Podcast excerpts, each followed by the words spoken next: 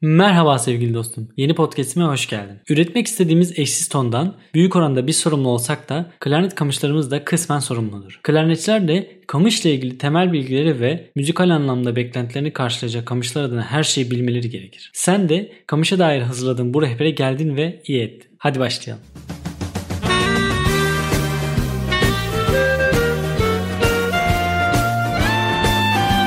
Kamışın hikayesi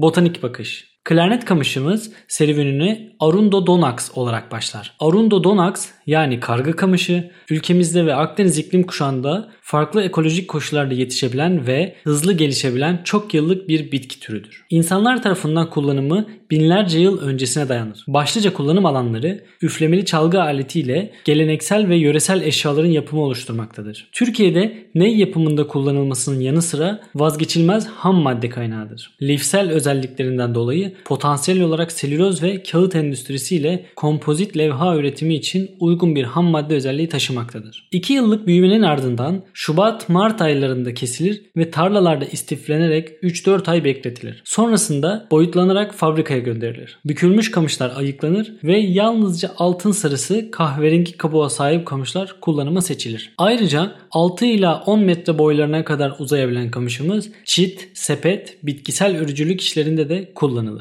Klarnet için kamış nedir? Kamış, enstrümanın ses üretiminde kullanılan temel malzemedir. Ağızlığa bilezik yardımıyla sabitlenen kamış, üflediğimiz hava ile titreşir ve ses elde edilir. Kamış, klarnetin çok önemli bir parçasıdır. Klarnetler ve saksafonlar, oboa ve fagotun çift kamışından farklı olarak tek kamışlı enstrümanlardır. Bir klarnetçinin çalışma ve performans zamanı için düşündüğü en önemli konulardan birisi de kamışlarının durumudur. Her ne kadar çalışma ve çalışmadan başka bir şeyin çare olmayacağı kondisyon konusu performansın temeli olsa da kamışlar da müziğimizi önemli ölçüde etkiler. Oboacılar en iyi sonuçlar için kamışlarını kendisi yapar veya güvendikleri bir üreticiden temin ederler. Klarnet çalıcıları için bu durum daha basit bir konudur ve standardı oldukça yüksek markaların kendilerine uygun ve dengeli olan kamış modellerini satın alabilirler. Kamış türleri, sertlik dereceleri ve tavsiyelerim için bir önceki podcast'imi dinleyebiliriz. Klarnetçiler satın aldıkları kamışları denedikten sonra genellikle bir kutuda 10 tane vardır. Kamış seçme testinden geçenleri notlayıp, işaretleyip ayırır ve tatmin edici sonuca ulaşır. Elle kamış yapmak çok değerli bir durumdur. Fakat ham madde temini konusunda çekilebilecek zorluklar, harcanan fazla zaman ve tutarlı, dengeli olmayan sonuçlar göz önüne alındığında markalı kamışların tercihi ağır basmaktadır. Kamıştan ne bekliyoruz? Çalışan her kamış küçük bir mucizedir. Kamışın uç kısmı 0.08 mm olması gerekir ve kuğu şeklindeki kesimi dengeli, yeteri kadar sert ve aynı zamanda esnek olmalıdır. Saniyede 12.000 defaya kadar titreyen nitelikli kamışların sağ ve sol kısmı da eşit titreşim kapasitesine sahip olmalıdır. Vücut ısımıza gelen ve sürekli ıslak kalan bu küçük oduncukları yenileriyle değiştirdiğimizde onlara teşekkür etmemiz gerekir. Kamışın temel özellikleri. Klarnet performansındaki sorunlar ne tamamen çalıcının ne de tamamen materyalin suçudur. Bahsettiğimiz bu küçük tahta parçaları ton kalitesini, ton rengini, artikülasyonu ve müziğe katmak istediğimiz tüm hislerimizin de kalitesini güçlü bir şekilde etkiler. Her ne kadar dikkat etmesek de yeni bir kamışta olması gereken görsel özellikler bize kamışın hakkında mesajlar verebilir. Kamışımız tek düze sarı bir renkte olması gerekir. Kamışımızın içerisinde ahşap damarlar olmamalıdır. Bu bilginin aksine kamışın parlak kabuk kısmındaki kahverengi lekeler kamışın ne iyi ne de kötü olduğunun göstergesi değildir. Işığa doğru tutulduğunda kamışta dengeli bir gölgeleme olması gerekir. Sürekli bahsettiğimiz denge konusu kamışın sağ ve sol kısımlarının eşitliği içinde önemlidir. Genelde kamışların marka ve numaralarının yazdığı düz kısmın bozukluk içermemesi gerekmektedir. Kamışın arka kısmına doğru yükselen dengeli kalınlık,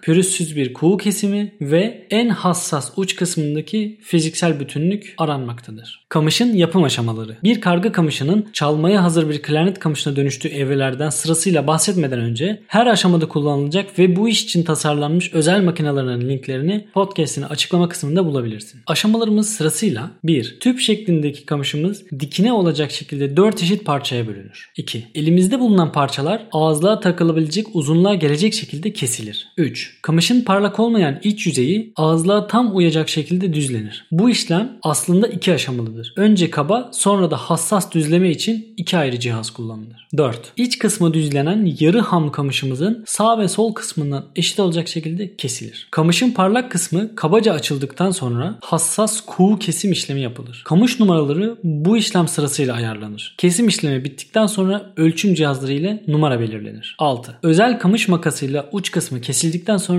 kamış kullanıma hazırdır. Ve geldik kamış seçim aşaması. Çok çok az kamış kutudan çıkar çıkmaz performansa hazırdır. Tıpkı futbol takımlarının altyapıdan az takımlara gençleri yetiştirdiği gibi biz de mevcut kamışlarımız eskidikçe yenileriyle değiştirebileceğimiz bir sistem kurmalıyız. Her zaman kullanabileceğimiz en az 4 ki bu sayı benim için 10 kamışımız olması gerektiğini düşünüyorum. Her zaman çalışmalarımız için 4 dörtlük uygun kamışlar bulamayabiliriz. Fakat belirli periyodlarda belirli vaktimizi kamış seçim aşamasına ayırmak durumundayız. Bu çalışmayı alışkanlık haline getirirsek seçmiş olduğumuz kamışlar bizi hem mutlu eder hem de çalışma verimimiz artar. Gelelim kamış seçim işlemine. Konser, ristal ve benzeri bir performans, bir sınav hazırlığı içerisindeysek, çalışmalarımızı başarıyla sonuçlandırmak istiyorsak kamış seçimi konusunda çok dikkatli olmalıyız. Şimdi sizlere uyguladığım yöntemi birebir anlatmak istiyorum. Öncelikle kamış seçme işlemi için orta büyüklükte genişçe bir bardak, içme suyu, bir kurşun kalemi yanımızda bulunduruyoruz. Sonra oda sıcaklığındaki içme suyumu bardağa koyduktan sonra elimde bulunan bir kutu kamışı tamamen küçük poşetlerden çıkartıyorum. İlk kamışı 15-20 saniye suyun içinde tuttuktan sonra çıkartıp yavaşça sallıyorum ve kamışın üzerindeki fazla suyu alıyorum. Bir kez de dudaklarımla kuruladıktan sonra ağızlığa yerleştiriyorum. Kamışı kesinlikle parlak kısmından tutuyorum ve asla kuğu kesimli kısmıyla üst kısmına dokunmuyorum. Kamışı uç kısmı ve sağ sol kısımları eşit bir şekilde ağızlığa yerleştirildikten sonra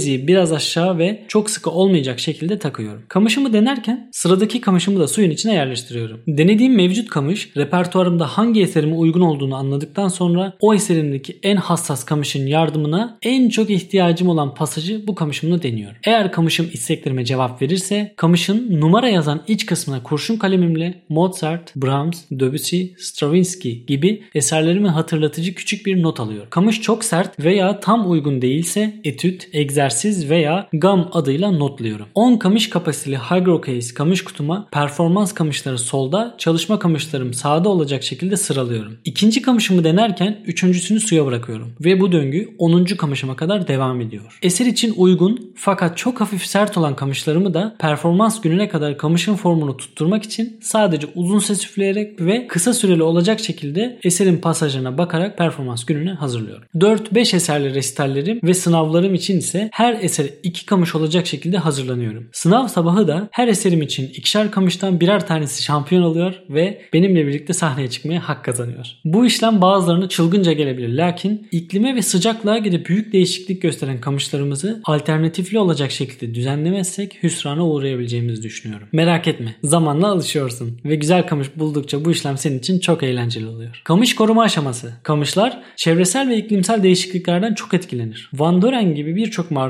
kamışların iklim değişikliklerinden etkilenmeyecek şekilde paketler ve bizlere ulaşana kadar koruma zinciri devam eder. Paket açıldıktan sonra bütün sorumluluk çalıcıya geçmiştir. Kamışların fiziksel bütünlüğünü koruduğumuz gibi yapısını da korumak zorundayız. Aksi halde bütün titizlikle seçilen kamışlarımız bize kötü şakalar yapabilir. Kamışları yüksek sıcak ve nemden korumamız gerekir. Çok sayıda kamış kapasiteli ve nemi dengeleyici bir kamış kutusu almanızı önerebilirim. Bunun için tavsiyelerimi açıklama kısmında bulabilirsin. Eğer böyle bir kamış kutun yoksa açılıp kapanabilen ve hava geçirmeyen kilitli torbalar kullanarak kamışlarını bir arada ve güvende tutmayı deneyebilirsin. Sevgili dostum bu podcast'imi de dinlediğin için çok teşekkür ederim. Umarım hazırladığım bu rehber senin için bir ışık olur ve aklındaki soru işaretlerini de gidermiştir. Bana sormak istediklerin varsa, bana eklemek istediklerin varsa YouTube kanalımdan veya podcast'imi Spotify'dan dinliyorsan da bana orkunuyar04 at gmail.com adresinden ulaşabilirsin. Kendine iyi bak.